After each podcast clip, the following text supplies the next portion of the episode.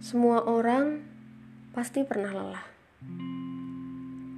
Lelah karena keadaan yang tidak sesuai dengan harapan. Lelah karena berada di titik terendah dan seolah kehilangan arah.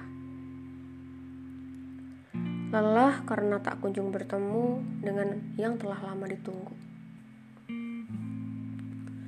Buat kamu yang sedang merasa lelah, istirahatlah, rehat sejenak. Kalaupun jeda ini membuat mimpi dan tujuanmu tercapai sedikit lebih lama, tidak apa-apa. Jika kamu membutuhkan lebih banyak waktu, pun tidak apa-apa. Sungguh tidak apa-apa.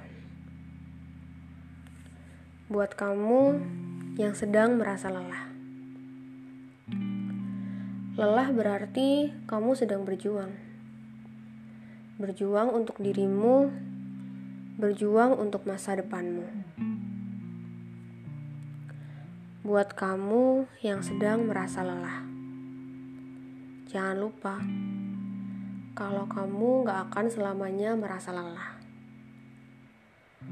Bukankah hal yang baik dan hal yang buruk itu datang silih berganti?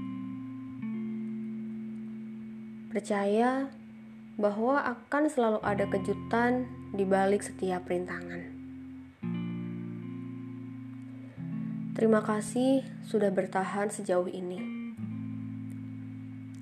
Ingat bahwa lelah bukanlah suatu masalah, karena memang kehidupan tidak selalu bisa sesuai dengan apa yang telah kita rencanakan.